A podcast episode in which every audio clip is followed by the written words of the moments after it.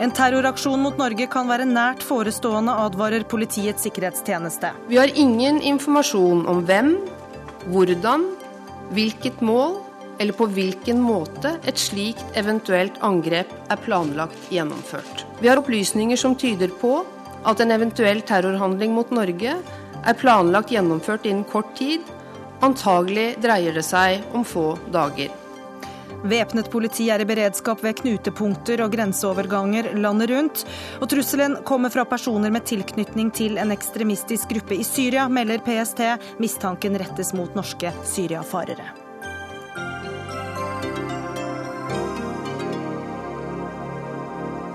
Da ønsker vi vel møtt til Dagsnytt 18. Jeg heter Gry Blekastad Almås, og velkommen til justisminister Anders Anundsen. Takk for det. Hvor alvorlig er dette? PST sa i sin nasjonale trusselvurdering tidligere i år at eh, faren for terror rettet mot Norge er nå større enn det den har vært eh, tidligere. Det vi ser i disse dager er egentlig en materialisering av det varselet som PST da kom med. Det at vi eh, varsler befolkningen på denne måten, er et veldig tydelig tegn på at dette er en trussel som vi skal ta på alvor. Eh, og Det er også nødvendig da å møte en sånn type trussel med de tiltakene som Politidirektoratet i dag har iverksatt. Hvor konkret er trusselen? De spørsmålene er det egentlig mest naturlig å stille til PST. For det er PST som på mange måter har ansvaret for å lage et beslutningsgrunnlag som politiet fatter sine beslutninger på basis av, og som vi eh, politisk også eh, håndterer eh, fra vårt ståsted. Og vi får PST-sjefen inn i studio straks, og det skal vi gjøre. Men selv har du avbrutt ferien din. Hvilke råd gir du til folk? Hvordan skal de oppføre seg nå? Jeg tror det er veldig viktig å lytte nøye til det politiet sier. Dette er en situasjon som kan utvikle seg raskt. Det er nødvendig å få med seg de rådene politiet gir. Foreløpig så har politiet sagt at det ikke er holdepunkt for å endre atferd på noen eh, måte. Eh, det er en situasjon som kan endres. Derfor er det viktig å følge nøye med på de signalene som kommer fra politiet, som skal være tydelige og tidlig ute med informasjon. Så vi skal altså ikke eh, endre på oppførselen vår, men allikevel har dere gått ut på en veldig spesiell måte med en pressekonferanse hvor man da forteller om eh, denne trusselen. Og hvilke vurderinger gjorde dere eh, med tanke på den frykten, den informasjonen kan skape hos folk. Ja, Det er en veldig vanskelig balansegang. Eh, for terrorens hovedhensikt er jo å skape frykt og ødelegge for vår måte å leve livene våre på, og det skal de ikke lykkes med. Samtidig så var denne trusselen av en sånn karakter at eh, jeg er enig med PST i at det er naturlig å varsle befolkningen fordi den har den karakteren det har. Ja, hva slags karakter så, er det? Ja, også Det kommer PST sikkert til å grundigere forklare, men så tror jeg også at vi skal huske at den den situasjonen vi nå er i, er uvant eh, i Norge og i norsk sammenheng, men ikke like uvant i en del andre land som har en lavere terskel for å eh, varsle befolkningen. Og med det nye trusselbildet som vi har i Norge, så tror jeg man snarere må venne seg til at dette kan skje oftere enn sjeldnere i norsk sammenheng også fremover. Og som justisminister og øverste leder da for uh, å beskytte oss mot uh, slike trusler, hvor forberedt er vi på det som kan komme?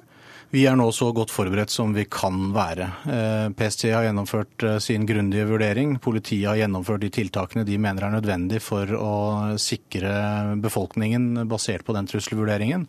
Eh, regjeringen har i Justis- og beredskapsdepartementet satt stab for å håndtere de utfordringene som måtte komme. Og vi er nå så godt rustet som vi kan være på det tidspunktet med den informasjonen vi har tilgjengelig. Men dette er en situasjon som kan endre seg, og det er viktig at vi da er beredt til å håndtere også en endret situasjon. Du begynte med å si at man har vært klar over en, eh, en trussel da, over en viss tid. Med denne konkrete trusselen, eh, når ble du klar over den? Jeg ble informert av PST nylig om eh, den trusselen. og... Hvor nylig, eller hva er nylig? Jeg vil ikke være helt konkret på, på tidspunktene, men ganske nylig. Eh, og vi har da også informert eh, finansminister, statsminister og regjeringen gjennom regjeringens eh, sikkerhetsutvalg og gjennomført de tiltakene i departementet for å sørge for at vi kan, eller er godt beredt til å håndtere den situasjonen vi er i.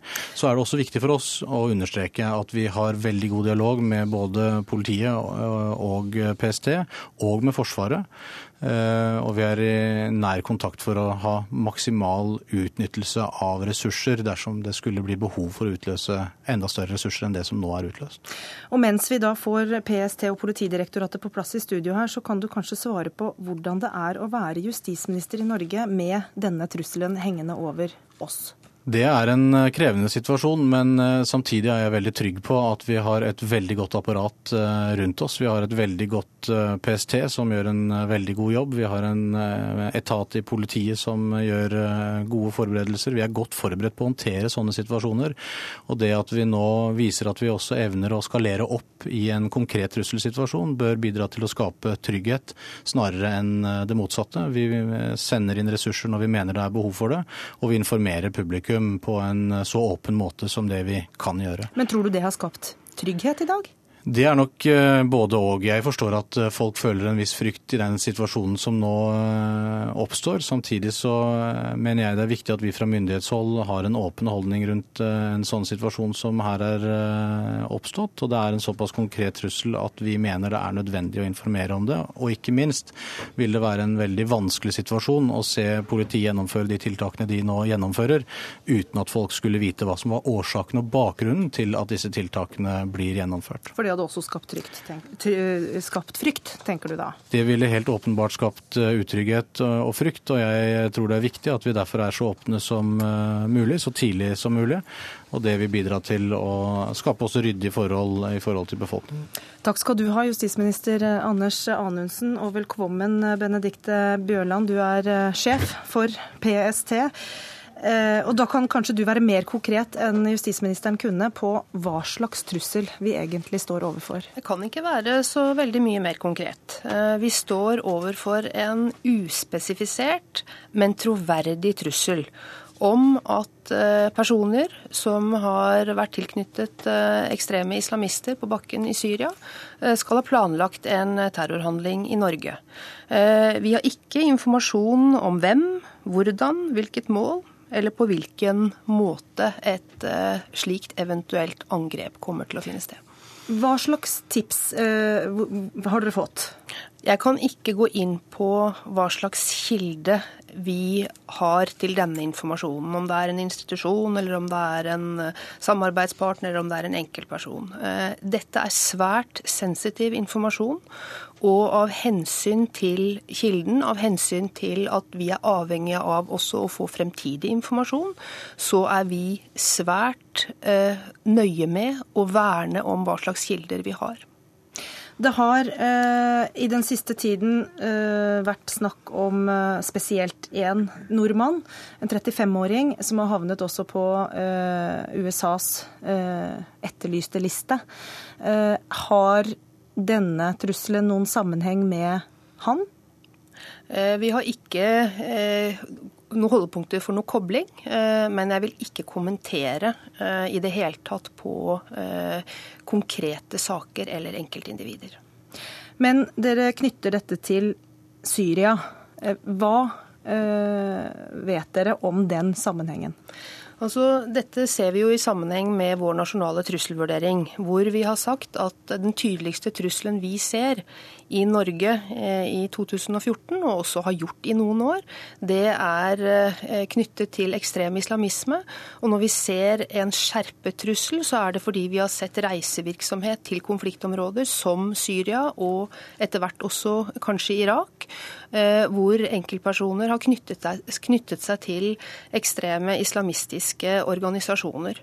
Eh, og kan ha deltatt i grusomheter, eh, vært med på å ta liv, eh, fått kamperfaring, fått erfaring i å lage eksplosiver, og til og med også etter hvert kan returnere med et oppdrag om å gjøre noe her hjemme. Men jeg tenker at den situasjonen vi står i nå, vi skal være varsomme med å kun knytte det til reisevirksomhet fra Norge. Altså Per nå så befinner det seg flere tusen fremmedkrigere i Syria som ikke nødvendigvis har noe tilhørighet til Norge.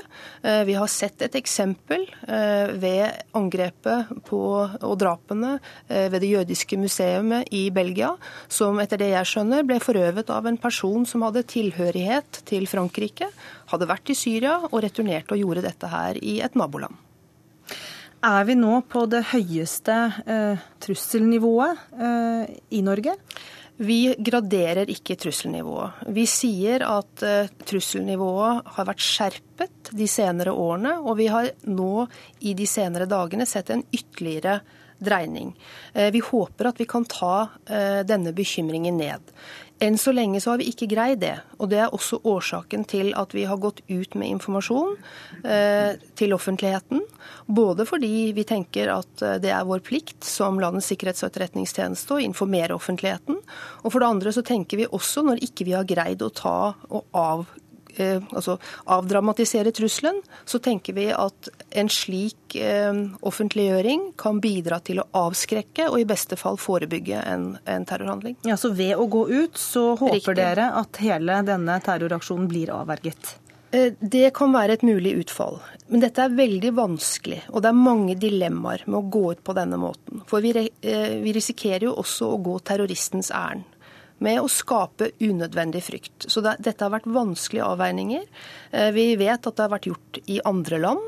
Eh, det er ikke noe fasitsvar på om dette er riktig. Og det er heller ikke vanlig i andre land, selv om det har vært Nei, gjort? Nei, det skjer. Men vi har sittet med et inntrykk etter at vi har arbeidet med eh, denne trusselen nå i noen tid, at vårt inntrykk er at det er mer vi har, vi har fått informasjon som for så vidt har styrket eh, tanken om at noe kan skje, snarere enn at eh, det er avkreftet.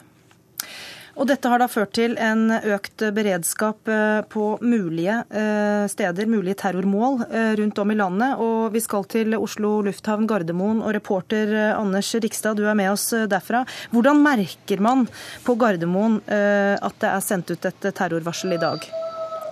Ja, her på Gardermoen så har det vært tungt bevæpnet eh, politi som har patruljert avgangshallen og flyplassen i hele dag. Eh, men folk vi snakker med er ikke så eh, bekymret. Noen er litt bekymret, men de aller fleste skal på ferie, gleder seg og tar ikke dette så ille opp. Vi har også snakket med Norwegian og SAS, som ikke kan melde om noe økt aktivitet på kundesentrene som følge av denne terrortrusselen som har eh, gått ut. Så Hele dag så har politiet altså vært i strategimøter med eh, politiet sentralt og også lufthavnsledelsen. Og eh, vi har hatt en synlighet her på flyplassen eh, som har vært eh, ja, eh, som eh, virkelig har eh, bekymret eh, noen, men de aller fleste har det ganske greit. Men har den økte sikkerheten ført til mm, forsinkelser f.eks. For gjennom sikkerhetskontrollen eller i forbindelse med flyreiser til og fra Norge? Eh, nei, sikkerhetskontrollen har eh, vært litt sakte på, eh, på, formiddagen i dag. Men det tror jeg heller skyldes at det var mange passasjerer som skulle gjennom. Stort sett så har alt gått som det pleier å gjøre her. Avgangen har gått som de skal.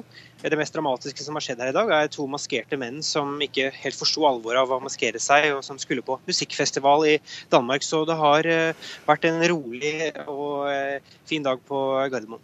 Takk skal du ha, Anders Rikstad. Eh, Kåre Songstad, du er direktør i Politidirektoratets avdeling for beredskap og krisehåndtering. Hvordan eh, forholder politiet seg til denne trusselen? Ja, etter at vi fikk disse, tilgang til disse opplysningene i går, så uh, har det ikke vært spesielt vanskelig for uh, politiet også å uh, komme til at her var forholdet en situasjon som vi måtte agere på. Og dette har jo vært en del av forarbeidet før vi satte i verk våre tiltak, de prosesser som har foregått mellom politiet, Politiets sikkerhetstjeneste og også politisk ledelse. Men når trusselen er så lite konkret, eh, hvordan eh, kan dere da sette i verk tiltak? Eh, den er lite konkret, den er lite spesifikk, men den beskrives også som troverdig. Og eh, de opplysninger som ligger rundt eh, dette bildet er bekymringsfulle. Og av en sånn karakter denne gang at det har ikke vært noe som helst uenighet rundt behovet for å gå videre med tiltak på politisiden. Vi hadde overhodet ikke noe valg, gitt de opplysninger vi ble forelagt i går, om at her må politiet gjøre noe. Fordi politiet har ansvar for terrorbekjempelse og da ligger det til også å iverksette nødvendige tiltak for å, for å forhindre at noe skjer, hvis mulig. Og Så hører vi da om tungt væpnede politimenn på, på Gardermoen. Er det farlig å fly? Mm. Eh, nei, eh, det har ikke med det å gjøre. Det som nå skjer i politiet, er at politiet setter seg selv i en Eh, bedre Vi øker vår egen evne til å respondere hvis noe skulle skje. Det skjer i alle politidistrikter og på mange fronter. Men de tiltakene som er satt i gang etter ordre fra Politidirektoratet nå, har alle det til felles at vi faktisk i ganske liten grad påvirker folks daglige liv og aktivitet. Dette men, er... men når, når, man ser da væpnet politi eh, på togstasjoner, på flyplasser, eh, Slottet stenger eh, sine, sine, besøk, eh, og derfor, Oslo rådhus melder om at de stenger for turister osv. Hvordan henger det sammen med at vi vanlige mennesker bare skal fortsette som før? Ser du at det er en slags sånn, at det kan virke litt paradoksalt? Jeg ser den, og det, det er også ikke helt enkelt å forklare dette, hvordan det fungerer. Vi setter i verk verk våre tiltak på vår side, som, som jeg sa, eh, har til formål å bedre vår evne til å detektere, oppdage og respondere på eventuelle hendelser som måtte oppstå. Men det er en konsekvens av det PST gjør, og det vi gjør, at disse objekteierne, disse sektoransvarlige som, som, eier bygg, eier aktiviteter og eier alt det som skjer i samfunnet eh, til vanlig, selv må ta et ansvar for å vurdere sikkerheten rundt det man holder på med. Men det vi gjerne vil at du skal si, er jo at vi er helt trygge. Samtidig så hører vi at det politiet gjør, er jo å be folk om å være årvåkne og ta kontakt hvis de ser noe. Sånn. det, det er litt sånn Det er riktig, og det, det, det der er et dilemma for oss. Vi gjør det vi må. Vi begrunner det også eh, veldig godt i disse dager hvorfor vi må gjøre dette. Men samtidig så legger vi jo igjen en usikkerhet hos folk, hos folk flest i forhold til den restrisikoen og den faren som kan være der. Og som eh, stabssjefen i Oslo politidistrikt var inne på i dag, vi kan ikke garantere folks sikkerhet hvis man spør på den måten. Men dette handler jo om å gjøre det man må, og gjøre det man skal i den foreliggende situasjonen. Og det er det vi har gått med, i gang med i dag, med, med en ganske bred penn der ute. Men skal man uh, fortsatt ta toget, oppholde seg i store folkemengder, uh, gjøre ting som man kan bli uh, fraråda da, i andre sammenhenger? Ja. Eller skal man helst unngå dette? Nei, eh, det skal man fortsette med. Det, det, er viktig å få frem. Fordi som sagt, disse tiltakene har mye med oss selv å gjøre. Altså politiet selv og vår evne til å få til ting hvis noe skulle skje. Eh, dersom vi hadde fått andre typer opplysninger annen, et, et, annet opplysnings- informasjonsbilde til oss som er mer konkret på objekter, på hendelser, på personer og på aktiviteter som vi må advare publikum, publikum om, så gjør vi det med en gang. Mm. Men vi gjør ikke det i den situasjonen vi er i nå, fordi det rett og slett ikke er grunnlag for det ennå. Og Hvilken betydning for beredskapen har det at dette skjer midt i fellesferien? Det skaper noen utfordringer. Det Alle vet at uh, de fleste etater har sine bemanningsutfordringer midt i ferien. Vi kaller inn masse mennesker fra ferie for å gjøre en skikkelig jobb på dette feltet nå i, disse dager. Og uh, andre etater uh, gjør det samme. Det er en utfordring i ferietiden. Men de tilbakemeldinger jeg har fått gjennom situasjonsrapportering klokken 16 i dag fra våre rekker, tyder på at dette går veldig greit, og at vi er godt forspent i dagene fremover. Benedikte Bjørnland, hvordan jobber PST videre med denne trusselen nå? Vi eh, innhenter informasjon. Og vi forsøker å berike eh, det eh, trusselbildet som ligger der, med tanke på å prøve å avkrefte om det er en reell trussel. Eh, hvis vi får informasjon som tyder på at noe virkelig er eh, under opptrapping, så vil jo vi eh, kunne bruke tunge metoder for å forfølge enkeltpersoner, men vi er ikke der nå. Hvor henter dere informasjon fra? Vi har rik mulighet til å innhente informasjon på ulik måte, både ved spaning og ved kilder, og fra ikke minst samarbeidende tjenester. Men den aller viktigste samarbeidspartneren for oss nå i disse dager, er Etterretningstjenesten, altså eh, Norges utenlandsetterretning. Ja, hvor uh, tett er samarbeidet internasjonalt? Vi har, et, vi, er, vi har, et, tett internasjonalt samarbeid, og vi er helt avhengig av å samarbeide med andre land, all den tid terror er et transnasjonalt problem. Kan du si noe om hvilke land dere samarbeider spesielt med i, dette, i, denne saken? Nei, det kan jeg ikke gjøre. Men det vi tidligere har bekreftet, er at vi har et samarbeid med over 60 andre land. Da sier vi eh, takk til dere. Vi skal eh, innom et par andre steder som eh, har høynet sin beredskap i dag. Og først til Bergen. Reporter Johannes Moland, du er der. Og hvordan er det i byen der nå? Her er det stappfullt av folk. Det er en stor seilskutefestival i byen mellom de syv fjell. Og de fleste bergenserne er nok mest bekymra for den litt uvante varmen akkurat nå. Det er tett oppunder 30 varmegrader.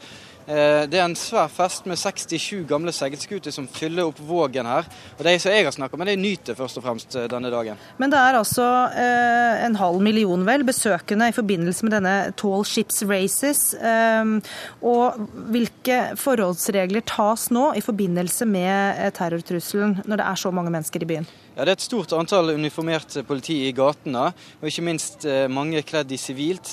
Politifolk på ferie kaller inn.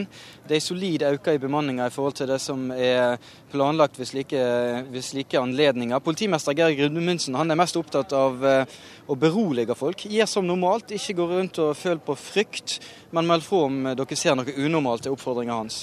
Sånn er altså situasjonen i Bergen. Eh, hvordan er situasjonen på Svinesund, altså på grensa til Sverige? Merete Kildahl, eh, reporter der.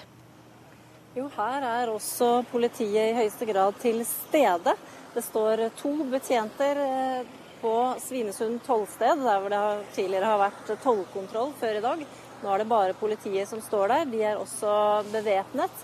Og det står en politibil. Alle bilene som passerer grenseovergangen inn i Sverige via Svinesund i dag, må passere forbi disse politibetjentene. Hva gjør de, politiet? Foreløpig så virker det som om de bare er til stede. For jeg har ikke sett at politiet har stoppet noen biler ennå. Det er det kun tollerne som har gjort, og de sier at de har vanlig tollkontroll. Er det eh, noe som eh, tyder på eh, at man har noen konkret informasjon om at eh, noe eller noen skal komme den veien, for å si det sånn? Jeg spurte eh, disse politifolka i stad hva det er de ser etter. Eh, men det vil de ikke gi noen kommentar til. Og folk som passerer her, bare undrer litt. Er litt usikre. Hva er dette? Jeg fikk snakke med et par unge tyskere som kom i campingbil og ble stoppet av tollerne. Og jeg spurte dem om de visste om det var, at det var en terrortrussel mot Norge nå. Det visste de ingenting om. Og de ble veldig overraska over det, for de kom jo til Norge fordi det er et av de mest fredfylte, vennlige og åpne landene i verden, ifølge dem selv. Det er kanskje godt at noen har feriefølelsen eh, fortsatt. Takk skal du ha, Merete Kildahl, og takk til Johannes Moland i Bergen eh, også. Eh, PST forteller altså at de har mottatt informasjon om at en gruppe eller personer som har vært i Syria sammen med ekstreme islamister der, har planer om å gjennomføre en terrorhandling i Norge. Og terroranalytiker Atle Mesøy, hva slags ekstremister kan det være snakk om? Det som er det mest sannsynlige, det er at uh, dette er uh, såkalte salafister, eller uh, unge menn som har opptatt denne tolkningen av islam, som da sier at det er legitimt å bruke vold for å få gjennom et islamsk styre i verden. Er det snakk om norske syriafarere? Det, det, vet vi jo ikke, men det er en eh, Hvor sannsynlig er det at de kan være innblandet? Det er en relativt høy sannsynlighet for det. På, på hvilken bakgrunn sier du det? Eh, fordi at eh, jeg ser ikke noe nå i, i bildet, uten, altså utenriksbildet, som har med norsk politikk å gjøre, som skulle tilsi at Norge skulle bli angrepet akkurat nå. Eh, da er det mer sannsynlig at eh, det kommer fra noen som har reist ut, som har et da hat til eh, dette landet, og som da ønsker å, å, å, ramme dette landet. Det, det, er det mest sannsynlige. Nå vet jeg at dette da blir spekulativt fordi mm, man ikke har mer konkret informasjon, men, mm. men har du noen teori om, om, hvem det kan være, og eventuelt da hva de vil med en slik aksjon? Mm. Ut ifra det jeg har sett fra andre skandinaviske fremmedkrigere, så, så, er det snakk om å, å De har hatt et fokus på å ramme landet. Altså en slags hevnaksjon. Eh, og det samme kan jo gjelde i, i Norge. Altså hvor man da ønsker å, å ramme Norge på den, den mest effektive måten. Ja, hvor er det da i så fall sannsynlig at de slår til? Ja, det, det, er svært vanskelig å vite. Fordi det går på, på, kapasitet. Og det er klart at dersom de har en større gruppe i ryggen, så er, det, så er det svært alvorlig. Hvis det er sånn at det er en eh, gruppe relativt få fremmedkrigere som har gått sammen og fått en eh, eh, ja, som gjør dette på eget initiativ, da kan det være en helt annen skala det er snakk om, som er mye lavere. Kjetil Stormark, eh, journalist og forfatter. Og nå leder du et eh, ekstremismeprosjekt, eller et journalistisk prosjekt hvor dere skal skrive en rapport på, på disse som reiser til Syria eh, fra vestlige land.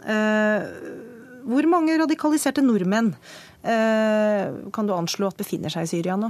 Altså, Norske myndigheter snakker om 50 fra Norge, men vi ser jo at Eh, Danmark f.eks. ganske nylig har oppjustert tallet til 100 fra Danmark alene. Eh, eh, vi har folk som jobber for oss både i Jordan og i Syria og andre deler av Midtøsten for å følge disse ekstremistiske organisasjonene, og spesielt ISIL, eller i, Den islamske stat, som de nå kaller seg, og Jabhat al-Nusra, som er liksom de to organisasjonene som stikker seg fram spesielt, og som har gjort det i noen måneder. Jeg tror Eh, for vår del, basert på de tilbakemeldingene vi får, så er det vel mer naturlig å gjette på dette kvalifiserte anslag på nærmere 100.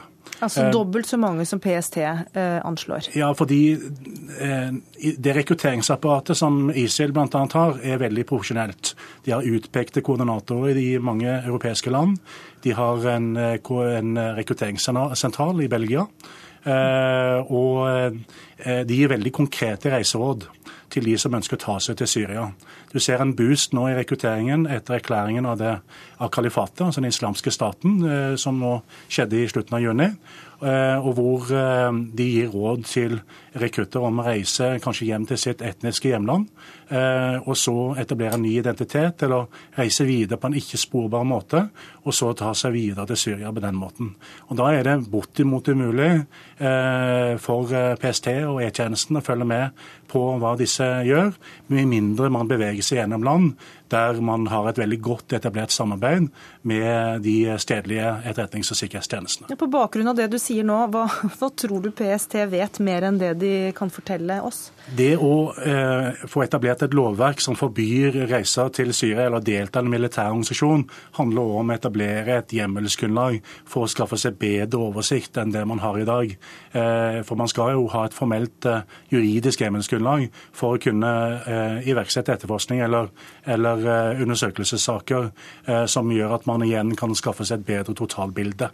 Så dette må jo ses da i sammenheng, tror jeg. Men, men, er det sannsynlig at de personene eller den personen som, som, nå planlegger noe i Norge, befinner seg i Syria nå? Eller har vedkommende kommet tilbake derfra eller ut derfra på et eller annet vis? Nei, Jeg vil gå så langt som å si at det er mindre sannsynlig at dette er personer som befinner seg i Syria. Eh, slik denne, Utover de hintene som PST gir, så virker det som om de hinter i retning av ISIL. Eh, som er den største grupperingen, der de fleste nordmennene har reist for å, å bli en del av. Det vi vet av ISILs atferd, er at de har prioritert strategisk å eh, vinne territorium i Syria og Irak og eh, holde det territoriet. Fordi Det strategiske visjonen de har hatt, er å etablere kalifatet, den islamske staten. Og de har gått så langt som å ta av dage folk som har ønsket å desertere eller dra hjem igjen. Eh, det har også danske myndigheter vært ute og fortalt åpent om, at danske jihadister har lidd den skjebnen. Mm. Så jeg tror her snakker vi jo om Eh, kanskje et norsk klientell med tilknytning til ISIL som har ønska seg en terroraksjon mot norske mål, kanskje av personlige, private motiver, men hvor det utførende leddet kan være helt andre mennesker enn det eh, norske klientellet vi forbinder med syriakrigere og syriafarere, som kanskje har en helt annen gjennomføringskraft og vilje og evne enn det vi ser knytta til det norske miljøet som, som vi kjenner fra før. Mm. Og når du snakker om eh, ISIL, så skal vi ta inn Knut Vikør, som er professor i Midtøsten-studier og eh, islamekspert. Eh, kan du si litt mer om eh, hva slags organisasjon ISIL, eller det som nå heter Den islamske stat, er? Ja, Det er altså en utbryterorganisasjon fra eh, Al Qaida. Oppstått pga. en personkrangel i, i, Syria for et år tilbake, og har da etter hvert markert seg som et ønske om å skal vi si, De blir de ekte arvingene etter bin Laden. Altså De sier at den lovveiende ledelsen i Al Qaida er for slappe, og, og de vil under ledelsen av denne kalif Ibrahim, som han nå kaller seg, eh, al-Baghdadi, som han kalte seg før, eh, skal, skal, da føre videre den kampen. Slik at det er ideologisk sett å ligne på, på det vi kjenner fra Al-Qaida. Men som det blir sagt her, så skiller de seg i taktikk fra Qaida så langt i at de har fokusert på å opprette territorier i Syria, nå i Irak eh, framfor denne globale kampen som Qaida var kjent for. Og Så hører vi Stormark her eh, anta at det er ikke selve organisasjonen ISIL, men eh, tilknyttede medlemmer, for å si det sånn, som eh, eventuelt nå ønsker å ramme Norge. Deler du den betraktningen? Ja, nå vet vi så lite. altså Det er bare gjetninger. for vi, hører jo så lite på fra det PST vil fortelle oss. Eh, men eh, det er jo i dette at han kalte seg for et kalif, eh, som eh, en tittel som i stort sett ble avvist av de fleste andre, også av Al Qaida, eh, så ligger det det at han muligens prøver å opprette noe videre enn det de har vært tidligere. Altså, vi har sett at det har vært grupper f.eks. i Libanon som har kalt seg for den islamske staten i det og det området. altså uavhengige grupper som prøver å knytte seg til denne, eh, dette navnet IS. Um, så det kan være noe slikt, men vi har altså utelukkende sett dette i den muslimske verden, og det har vært svært få av de, altså de, Det har vært liten oppslutning rundt dette kalifatet. Um, men, men det, det, er kanskje mer å tro at det er enkeltpersoner som vil kapitalisere på dette, hvis det i det hele tatt har en sammenheng med IS. Mm. Jeg har lyst til å høre med deg, Josef Asidik. Du var tidligere medlem av den islamistiske grupperingen Profetens eh, Umma, eh, men har tatt avstand fra det. Og nå er du prosjektleder i tankesmia Minotenk. Og dere har da jobbet med ungdom som radikaliseres. Hva er det som kjennetegner dem? Det er mye forskjellig. Veldig ofte så starter det med personlige problemer. Altså Man sliter i hjemmet, man har dårlig kontakt med foreldre. Eh, man gjør det kanskje dårlig på skolen. Eh, man føler seg utenfor. Eh, og det kjennetegner jo veldig mange ekstreme miljøer, altså ytterkantmiljøene, både politisk og ideologisk. Og det er ofte her det starter. Og så er det disse mm, lederne, da, som er verdens beste ungdomsarbeidere. De ideologiske lederne i, i disse gruppene. De vet virkelig hva de snakker om, og de har en enorm påvirkningskraft på ungdom. Og de tilbyr det som ungdommen føler mangler hjemme. da. De får ikke noe trygghet. De vet, ikke, de vet at de kan ikke gå til faren sin og si at 'jeg sliter på skolen', 'jeg sliter med det'. Men så får de da en annen, en annen farsfigur som kan uh, forme dem. Men Er dette mennesker som jobber som ungdomsarbeidere i Norge, eller er dette folk de møter på internett? Ikke nødvendigvis, det... men de trenger ikke være utdannet i det hele tatt. Det er bare at de er så flinke med ungdom eh, at jeg mener de er verdens beste ungdomsarbeidere, fordi de når inn bedre enn noen andre. Eh, og det er jo deres eh, måte å være på. Eh, jeg husker jo Da jeg ble rekruttert, så var jo det fordi jeg konverterte til islam, eh, slet med foreldrene, slet med samfunnet, følte meg alene og utenfor. Og da var det disse som tok meg imot, og, og som ga meg den tryggheten jeg følte jeg mangla. Og veldig ofte så kommer ungdommene inn den veien, og så utvikler det seg jo lenger man er der. Man blir mer ideologisk påvirka, og man blander inn religion, og, og, man blir til det man ser da, i de som reiser til Syria f.eks. Og hvor kapable eh, er disse menneskene til å gjennomføre det vi hører om her i dag? Det, det er vanskelig å si. Jeg kan jo ikke si nei, for det vil jo slå tilbake meg hvis de, de skulle vise at de er det. Men mitt inntrykk er at de, de norske, eh, spesielt de som er i Norge, som ikke har reist til Syria, det er mer en slags eh, gjeng mens de som har reist til Syria, spesielt noen av de, har jo utført eh, ganske brutale terrorangrep i Syria og Irak, eh, som viser at de, de er kapable til å ta liv. Og de har eh, kontakter og er såpass sentrale nå i miljøet at de, de virkelig kan være en fare. Mens du, Stormark, hvis jeg forsto deg riktig, mener at det er ikke disse som reiser til Syria nødvendigvis som nå er, utgjør denne trusselen, men folk som er knyttet til dem igjen? Det er interessant å høre PST-sjefen nevne saken med angrepet mot det jødiske museet i Brussel i slutten av mai spesielt. Fordi da var det jo en fransk eh, syriakriger som dro til Belgia og gjennomførte angrepet. Og Der driver hun litt sånn kommunikasjon mellom linjene, mistenker jeg. Eh, at hun hinter i retning av at noe tilsvarende kan være aktuelt òg her.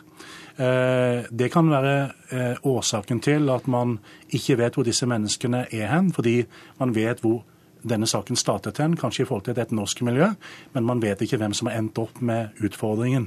Men man vet åpenbart noe om et eh, tidsrom hvor det kan være aktuelt å gjennomføre en aksjon, men, eh, men, vet ikke så veldig mye annet som gjør det mulig å spore dette. Og Da er man i en tvangssituasjon når man velger å gå ut med dette, fordi at det er et eh, hasardspill sånn, i sånne sammenhenger som dette, å velge å gå ut og publisere opplysningene. For det kan i mange sammenhenger føre til at uh, enten målet blir, uh, blir, endret, eller at man forserer og fremskynder en mulig terroraksjon fordi at, uh, at det, måte, ting kommer i spill. Ja, Fremskynde eller endre, sier ja, men håpet her var jo at de skulle avverge det ved kan, å gå det ut? Kan bli, det... det kan òg bli et, et, et, et, annet mulig utfall. At man skremmer de nå ved at det blir nå kjent at det er kontroll ved Norges grenser, at det er væpnet politivakthold på alle viktige grensepasseringer. Eh, at det kan være noe som skremmer de fra å gjennomføre en mulig aksjon. Det er jo det man spekulerer i, og det man håper på. Eh, Atle Mesøy, du er jo da terroranalytiker. Et hasardspill kalles stormarkedet her. Er du enig i det? Et hasardspill uh, Å gå ut med det på denne måten? Uh, jeg tror det er såpass viktig dette med å, å være våken at befolkningen, hva de ser og hva de hører, det kan være svært viktig for, for PST. Og, og derfor så, så, vil jeg eh, si at det, det virker fornuftig. Um, og, og, da er det også såpass uh, alvorlig når de, når de, gjør det, slik jeg ser det. Men en annen ting med, med ISIS er jo at, um, som, som, Thomas Hegghammer har sagt tidligere, det er at faren er jo at noen av disse nye grupperingene i Syria og Irak de får plutselig en internasjonal agenda. Og eh, det synes for meg, Jeg har fulgt denne gruppen nå en stund, eh, og det synes for meg som at de har også en internasjonal agenda. Eh, de har en idé om å først ta territorium der og sikre seg territorier der, i Syria og Irak, men så er det å spre ut derfra. Og så har du da risikomomentet med at eh, det er eh, jihadister som kommer fra mange forskjellige land, som tilhører små miljøer, men som får en, en, ekstra kraft ved å komme til det området.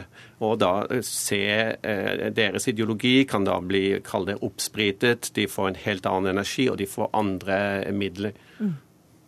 Eh, tenkte jeg bare skulle ta med, i og med at du også refererte til politiet som ber folk være årvåkne, om at hvis man ser noe mistenkelig, så kan man ringe politiet på 02800. Eller hvis man eh, opplever noe akutt, så er det 112 112 eh, som gjelder. Da sier jeg tusen takk til alle dere fire. Kjetil Stormark, Josef Asidik, Atle Mesøy og Knut Vikør, som var med oss fra Bergen. Og inn kommer Jon Håkon Schultz fordi Væpnet vakthold på flyplasser og knutepunkter er noe av det vi ser i dag. Vi har også sett at Slottet og Oslo rådhus er stengt. Og vi får altså vite at eh, når som helst kan det smelle hvor som helst i Norge. Eh, du er spesialpedagog og forsker på barn og traumer. Hvordan skal vi anta at barn eh, håndterer disse opplysningene?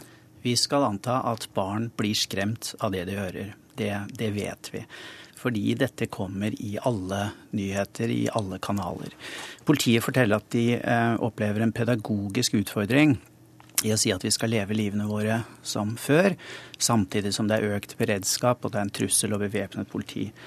Det er en pedagogisk utfordring, og jeg vil si det er den samme pedagogiske utfordringen vi voksne står overfor når vi skal forklare barna at eh, når vi skal gi barna trygghet. Ja, da, Hvordan gjør vi det i en sånn situasjon? Ja, Først så skal vi iallfall minne oss på at barn får med seg mer enn vi tror. Og eh, det som er utfordringen med det, er at de får med seg bruddstykker, biter. De får ikke, og de har ikke nok kompetanse, nok livserfaring, til å sette sammen dette til en forståelig helhet. Og det er her eh, også har barn også en, en, naturlig drivkraft i seg til å lage mening i historier. Og hvis vi, voksne, hvis vi voksne ikke støtter de i den meningsdannelsen, så lager barna egne historier. Og de historiene, dette vet vi ganske mye om, kan bli eh, skremmende, og de kan ofte bli mer skremmende enn hva virkeligheten skulle tilsi. Ja, og da er, hva, hva, skal, hva, skal, vi gjøre? Hva skal vi snakke med dem om? Hva skal vi fortelle dem? Hva skal vi ikke fortelle dem? Ja, I første omgang så må vi være proaktive. Vi må aktivt sjekke ut hva barna har fått med seg. Det er først når du vet det, at du kan gå inn og korrigere eventuelle vrangforestillinger. Og det er viktig å ha som et sånt overordna prinsipp at vi skal la barna få ta del i vår voksne trygghet. Når, vi, når mamma og pappa ikke går rundt og er redde, så trenger ikke barnet å være det heller. Og det må vi aktivt sørge for. Ved, ved, å sjekke ut. Så da sier vel også du egentlig at vi skal eh, oppføre oss normalt, da, for ikke å overføre en eventuell frykt på barna våre? Ja, jeg tror vi skal virkelig høre på hva politiet sier. Når de sier at vi skal oppføre oss som vanlig, ja, så, så må vi ta det rådet. Og, og det er dette vi også kan fortelle barna. Men samtidig, hvis barna da kommer over Vi er jo ikke veldig vant til å se væpnet politi på gatene i, i, Norge, men det ser vi altså i dag. Og kanskje noen opplever at det er kult og tøft, men, men noen kan kanskje også bli redde av det? Ja, tror, altså, det, her er det veldig mange faktorer som skaper frykt hos barn. Det er nettopp derfor vi må være proaktive og sjekke ut hva barna har fått med seg. Og skal du ut og reise i tiden framover nå med barn, eh, og du vet at det kommer bevæpnet politi på Gardermoen, på andre steder, ja, så må du forklare hva dette er. Um, ja, Men hva forklarer man når det er så uspesifikt ja, som det er? Nei, altså eh, igjen, nå vil vi høre på hva politiet har sagt. Eh, politiet eh, nå, har ikke ferie lenger. Eh, de jobber for at vi skal være trygge. Eh, politiet har også sagt at eh, med så mye politi i gatene, så er det antageligvis mye tryggere enn hva det vanligvis er. Det er disse tingene her vi må fortelle barn. Eh, konkret at politiet jobber for at vi skal bli trygge. Og den pedagogiske utfordringen er altså at det er en trussel. Vi skal kunne leve som før, det sier de som vet dette. Men de passer ekstra på oss nå fordi vi skal være trygge. Det er meldingen til barn. Takk skal du ha, Jon Håkon Schultz, som også er spesialpedagog og kan alt om barn og traumer. Takk for de vurderingene. Samtlige eh, politidistrikter er altså satt i beredskap. Og som vi har hørt, på togstasjoner, flyplasser og grenseoverganger har vi bevæpnet eh, politi. Lars Akerhaug, journalist og forfatter. I fjor høst kom du med boka 'Norsk jihad' eh, om muslimske ekstremister i Norge. Hvorfor eh, tror du Norge er et mål? Det kan være mange grunner til det. Norge har jo vært et mål for terrorgrupper eh, lenge. Allerede i 2003 så kom det trusler fra Al Qaida mot Norge. Da var vi med styrker i Afghanistan. Så har det skjedd mye siden det. Og det er klart at uavhengig av om det er Eh, nordmenn som nå planlegger terror eller ikke, eh, så er det faktum at det har reist mange nordmenn fra Syria og sluttet seg til ekstreme grupperinger der, det har bidratt til å sette Norge på kartet. Eh, og kanskje også gjøre terrorgrupper som har som mål å angripe Vesten, klar over at Norge er et land som eksisterer, og som det kanskje kan være mulig å, å gjennomføre et terrorangrep i. Men hva er det ved Norge eh, som gjør det si, attraktivt som en, et terrormål? Nei, Det er ikke noe spesielt med Norge utover at Norge er et Nato-land. Vi er alliert med USA. Vi er eh, et vestlig land. Eh, og disse bevegelsene anser jo oss da, og demokratiske land som fiender eh, av islam. Og så er det litt tilfeldig hvem som blir rammet. Det at nordmenn reiser til Syria kan være en bidragende faktor. Men kan du si noe om vi ser jo nå at beredskapen liksom er bredt over hele linja. Hva, hva, i Norge, eller hvem eventuelt, eh, er sannsynlige mål? Jeg synes det er vanskelig å spekulere om liksom, hvor et angrep eh, vil kunne finne sted. Jeg syns man skal være litt forsiktig med det også. Jeg vil i hvert fall ikke avbrutt planer eller gjort om på på, på, på, planer jeg hadde for sommerferien sånn for min egen vedkommende. Eh, men eh, på bakgrunn fra tidligere terrorangrep som Al Qaida da, har gjennomført, eh, så har vi jo sett at de gjerne forsøker å ramme offentlige steder. Målet er å gjennomføre egentlig så store og spektakulære terrorangrep som mulig, og å drepe så mange som mulig. Det høres litt brutalt ut, men, men sånn er det. Og slik har det vært. Og, og målet har gjerne vært flyplasser fly, eh, buss, tog, T-bane, kollektivtransport. Det har eh, tradisjonelt vært slike mål Al Qaida har siktet seg inn på. Så har man sett at de senere årene så har, har man også hatt andre typer terrorangrep, som f.eks. nå i Belgia med hvor det da var en som tok seg inn med våpen på et, på et jødisk museum. Så de skifter jo hele tiden virkemidler og finner på nye ting, så man kan ikke være sikker. Men Eh, disse terrorgruppene har, som, har, gjerne som målsetning å drepe sivile eh, og drepe så mange som mulig. Eh, Kåre Songstad, du er tilbake. Du er fortsatt leder for beredskap og krisehåndteringsavdelingen i Politidirektoratet. Det er jo et skremmende bilde vi får her, og vi har jo sett skremmende handlinger andre steder tidligere. Og det er jo andre land i Vesten som har levd med en økt trussel over lengre tid. Kan vi nå, si, er vi nå i kategori med andre eh, land som har en økt trussel hengende over oss? Det er et interessant tema, og jeg tror kanskje du har eh, litt rett i det du sier, at vi, vi, bringes litt nærmere de utfordringer som andre og større land i Europa har hatt litt tettere på kroppen oftere og over lengre tid enn oss.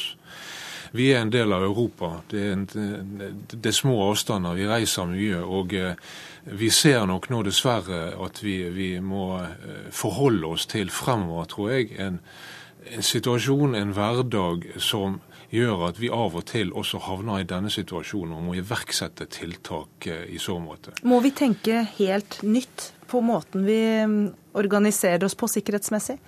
Eh, på, ikke, ikke, ikke, fundamentalt. Det tror jeg ikke det er behov for. Jeg tror vi må ta litt høyde for fremover at vi kanskje Eh, kan oppleve dette her igjen, og oftere enn vi har gjort eh, tidligere. Og at eh, dette blir en form for måte vi må jobbe på fremover for å håndtere denne type trusler, som er uspesifikke, men som likevel kan bli til noe. Så må vi ikke glemme at det fortsatt er slik at det mest sannsynlige er at det, ingenting kommer til å skje. Det er jo det som er poenget med det vi også gjør, ved at vi forsøker å forebygge og avskrekke en eventuell Kan du si det en gang til? Det mest sannsynlige er ja da. At Det mest sannsynlige fortsatt er jo at ingenting skjer. Og jeg håper jo at Politiets sikkerhetstjeneste ganske raskt finner mer ut om selve faktum i denne saken, slik at vi kan ta ned igjen disse tiltakene. Men foreløpig er situasjonen for usikker for oss, og derfor opprettholder vi disse tiltakene ennå en tid. Og akkurat måten politiet eh, håndterte dette på i dag, var jo at de gikk ut og advarte folk gjennom en, en pressekonferanse. Hva syns du om den måten å håndtere det på? Eh, jeg stoler i utgangspunktet på PSTs vurderinger her. sånn. Jeg syns de har eh, håndtert saken godt. Men jeg forstår godt at man kan bli redd og bekymret når man leser slike nyheter. Det jeg syns man skal være klar over, er at eh, dessverre så er jo ikke, det er jo ikke sånn at Norge først nå er truet av terrorister. Eh, særlig siden 2012, da nordmenn for alvor begynte å reise til Syria, så har det vært en eh, økende fokus på terrortrusselen derfra. Og det har vært en fare for at personer skulle reise tilbake fra Syria med planer om å angripe mål her i Norge. Og den faren forsvinner ikke Eh, om dette terrorangrepet eh, blir avverget. Dessverre så er det nok riktig at vi er nødt til til en viss grad å leve med at det er en slik trussel hengende over oss. Eh, jeg syns ikke vi skal forandre livene våre eller måten det norske samfunnet er organisert på av den grunn. Songstad, kjapt til slutt. Det er snakk om en aksjon nå varslet en av de nærmeste dagene. Hvis det da ikke skjer noe, som du sier er det mest sannsynlige, i løpet av de nærmeste dagene, vil det allikevel være nødvendig å ha en annen årvåkenhet for terror framover? Ja, og jeg tror, eh, ja, og jeg tror uh, vi allerede nå alle forstår at uh, når lille Norge utsettes for det vi nå handler i, i tråd med, så betyr det noe for oss også på sikt og i fortsettelsen. Så Jeg tror nok kanskje vi må belage oss på å måtte håndtere denne typen situasjoner fremover også. Men jeg føler lite behov for å si Det virker som om, om man på en måte har lagt til grunn at det skal komme terrorangrep om noen dager.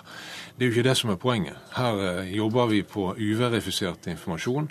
Vi antar og håper at dette avklares i, i løpet av, av, noen dager. Og vi har ikke noe grunnlag for å si med noen slags, slags sikkerhet at det kommer et angrep. Det er viktig å få frem. Håper du har rett, eh, Kåre Songstad, som er eh, leder eh, i Politidirektoratet. Takk skal du ha, og takk også til Lars Akerhaug. Inn i studio får vi da to medlemmer av Stortingets justiskomité, nemlig lederen der, Hadia Tajik fra Arbeiderpartiet, og nestlederen Anders B. Werp fra Høyre. Det er en eh, spesiell dag på jobb eh, for dere. Hadia Tajik først. Det er bare to dager siden 22.07. juli og minnemarkeringen der. Hvordan tror du denne situasjonen oppleves for pårørende og etterlatte? Arbeiderpartiet har blitt kontakta av en del av de som var direkte berørte 22.07. for tre år siden, som sier at de føler eh, ny uro knytta til det økte trusselnivået. Og det som jo da er viktig, er å stille opp for de som medmennesker. Og vi har kontakt med AUF og støttegrupper om det. Samtidig så er det jo òg sånn at eh, for oss som folk så er det jo uvanlig å se bevæpna politi. Eh, det er uvanlig å leve med et eh, økt eh, trusselnivå. Og det gjør jo at det kan være flere som føler på den samme uroen. Og det, det er fullt ut forståelig. Men etter 22.07. for tre år siden så viste jo òg Norge seg fra sin beste side ved å legge vekt på samholdet, fellesskapet og å stille opp for hverandre hvis det er behov for det. Eh, og jeg håper jo òg at i den situasjonen vi er i nå, hvis det er noen som føler på uro, og som trenger noen å snakke med, at vi viser den samme medmenneskeligheten. Hva er din reaksjon Anders Werp, på den situasjonen vi er i? Det er en høyst alvorlig situasjon når politiet, PST, velger å gå ut med denne type informasjon. Det er jo et signal på at det er alvor. Det er viktig at eh, innbyggerne får den informasjonen, eh, mener da både politiet, altså fagmyndighetene, og regjeringen. Eh, så det ligger nok helt sikkert mye alvor i dette. Eh, å bevisstgjøre innbyggerne, borgerne, på eh, hvorfor man ser bevæpna politi i gatene. Hvorfor tilstedeværelsen er så høy som den er med ja, politi. Og på den måten avskjærer en del spørsmål, og forhåpentligvis også skaper en økt sikkerhet som følge av det. Hadia Tajik, hva tenker du om den måten dette ble håndtert på fra justisminister Anders Anundsen og eh, PST og Politidirektoratet, som da holdt denne pressekonferansen og informerte folk om trusselen? På generelt grunnlag så er jeg for eh, mest mulig åpenhet òg i sånne situasjoner. Selv om det skaper frykt? Jeg mener at man bør dele den informasjonen som det er mulig å dele. Når det gjelder denne konkrete situasjonen og helheten i håndteringen av den, så mener jeg at det, er helt upassende hvis man skal begynne å trille terningkast på det på nåværende tidspunkt. Men det er naturlig når, eh, når man er ferdig med håndteringen, eh, at man da ser tilbake og gjør en skikkelig evaluering på hvordan det ble håndtert i alle ledd og om håndteringen var riktig. I alle denne type store saker så vil det være momenter man kan lære av, og da mener jeg at man skal dra den lærdommen. Er eh, Dere representerer to av partiene på Stortinget. Er deres opplevelse at Stortinget er enige om eh, den måten man håndterer denne typen saker på? Jeg har ikke registrert noen andre signaler fra eh, partiene eller enkeltrepresentanter på Stortinget i dag. Eh, annet enn at man slutter rekkene og, og, tar det inn over seg, eh, alvoret som ligger i den informasjonen vi får. Og Det er også viktig å merke seg, tror jeg, det som kommer fram fra politiet her i denne sendingen. At vi nok møter fremover en virkelighet hvor dette blir mer ikke vanlig kanskje, men hvor vi møter det hyppigere enn det vi har vært vant til. Og Da er jo spørsmålet hvordan dere som justispolitikere skal forholde dere til det? Absolutt, og, og vi som justispolitikere er jo opptatt av at vi skal bygge et robust samfunn som både selvfølgelig forhindrer og forebygger terrorhandlinger eh, på norsk jord. Men hvordan gjør man det? Ja, vi klarer jo aldri å etablere et, et 100 trygt samfunn. Eh, det er en viktig erkjennelse både politisk og, og ute i befolkningen. at Det kan aldri bli 100% trygt. Men robustheten må bygges på informasjon og en realisme realistisk kunnskap om hva som skjer i Norge og i verden omkring oss. Og så skal vi alle sammen bidra til å gjøre samfunnet tryggere, naturligvis. Har vi fulgt uh, godt nok med på disse radikaliserte ungdommene som reiser til Syria? Det er stor oppmerksomhet eh, om uh, radikaliserte ungdommer, om voldelig ekstremisme. Jeg opplever både at politiet og PST er opptatt av det og jobber foroverlent med det. Og fra politisk hold så har vi vært opptatt av å utvikle gode, målretta treffsikre tiltak for å fange opp disse ungdommene. Det er et vanskelig arbeid. Det ble satt i gang eh, for fullt egentlig først i 2010, da den aller første handlingsplanen mot eh, radikalisering og voldelig ekstremisme ble lagt fram, og har blitt fulgt opp av den nye regjeringen med en ny handlingsplan. Men det er en ganske ny situasjon for Norge. At eh, så mange nordmenn i et tilsynelatende organisert omfang i det som er en forholdsvis kort tidsperiode, har dratt til Syria. Det er en ny situasjon, men eh, vil du da si at regjeringen håndterer den nye situasjonen godt nok? Bør de gjøre noe mer eller noe annet enn de gjør i dag? Jeg mener De har tatt noen viktige skritt med handlingsplanen mot uh, voldelig ekstremisme. Det er riktig å legge trykket på uh, altså sørge for at kommunene er eh, rusta til å håndtere det lokalt. Altså forebygge så tidlig som mulig. Unngå at man havner i den situasjonen at nordmenn drar til Syria for å kjempe. og at politiet selvfølgelig har de ressursene og midlene de trenger for å håndtere det når personer har nådd det punktet at de utvikler vilje eller evne til å begå terrorhandlinger. For Verp, det er alvorlig. De er i Norge når de blir radikalisert når de bestemmer seg for å reise til Syria og slåss der? Ja, definitivt. Det er meget alvorlig. Eh, regjeringens handlingsplan mot radikalisering eh, er sånn sett en god videreføring av det grunnlaget som ble lagt av den forrige regjeringen. Og Det er også grunn til å merke seg at den amerikanske justisministeren jo kom til Norge nettopp for å høre mer om og lære mer om eh, den norske handlingsplanen. Og Det er også viktig å, å ta tak i den juridiske delen, virkemidlene her. Vi skal ikke trekke konklusjonene i dag. Men vi skal være åpne for å se på hvilke muligheter vi også juridisk har for å forebygge eh, kriminalitet og terrorisme framover. Da sier vi takk til Anders B. Werp og Hadia Tajik, og gjør et forsøk på å oppsummere det vi har hørt eh, i denne sendingen. Eh, en eventuell terrorhandling mot Norge kan være nært forestående, advarer altså PST. Eh, de snakker om at noe kan skje i løpet av få dager. Men det er altså ingen holdepunkter for en kobling mellom en norsk navngitt konvertitt, som det har vært snakk om de siste tiden, og dagens terrortrussel. Det sier PST-sjefen i Dagsnytt 18. Eh, og Politidirektoratet sier at det mest sannsynlige er at eh, ingenting kommer til å skje. Og det er kanskje eh, viktig å, å ta vare på akkurat den. Det er væpnet politi i beredskap landet rundt, og vi er så forberedt som vi kan være, sa justisminister Anders Anundsen i begynnelsen av den sendingen. Og så har vi fått Lars Nehru Sand, politisk kommentator her i NRK, inn i studio. Og hva kan du si, hvor samlet er det politiske miljøet om den håndteringen vi har sett av dette i dag? Ja, nesten heldigvis så får Anders Anundsen full oppbacking og ros for å ha vist åpenhet overfor befolkningen, gitt den informasjonen som kan deles på det nåværende tidspunkt. Det viser også alvoret i situasjonen, at vi nå ikke får noe debatt om hvorvidt det var riktig eller ikke, selv etter en valgkamp hvor jo styringsdyktighet og sikkerhet, eh, Gjørv-kommisjonen, var eh, bakteppet. Men samtidig så er det høyst uvanlig at man går ut på denne måten? Ja, det er første gang på over 40 år at man roper ulv eh, før, før, man har bildebevis, holdt jeg på å si. Eh, og nå sier jo også kilder til meg at det er aldri før skjedd at man har fått en så konkret trussel eh, som nå. Og at det mest eh, overraskende i situasjonen er at man har blitt sikrere etter hvert som man har verifisert ryktene. Eh, det som pleier å skje, er det motsatte, at man blir mer og mer usikker på, eller mer og mer sikker på at det ikke stemmer. Nå har man blitt mer og mer sikker på at det kan være hold i eh, truslene.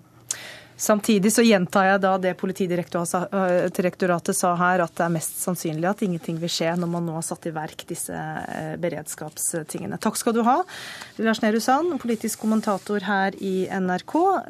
Dagsnytt 18 var i dag ved Ingebjørg Sæbu, som hadde ansvaret, og det tekniske ansvaret hadde Frode Thorshaug. Her i studio sitter Gry Blekastad Almås, og vi ses eller høres igjen i morgen.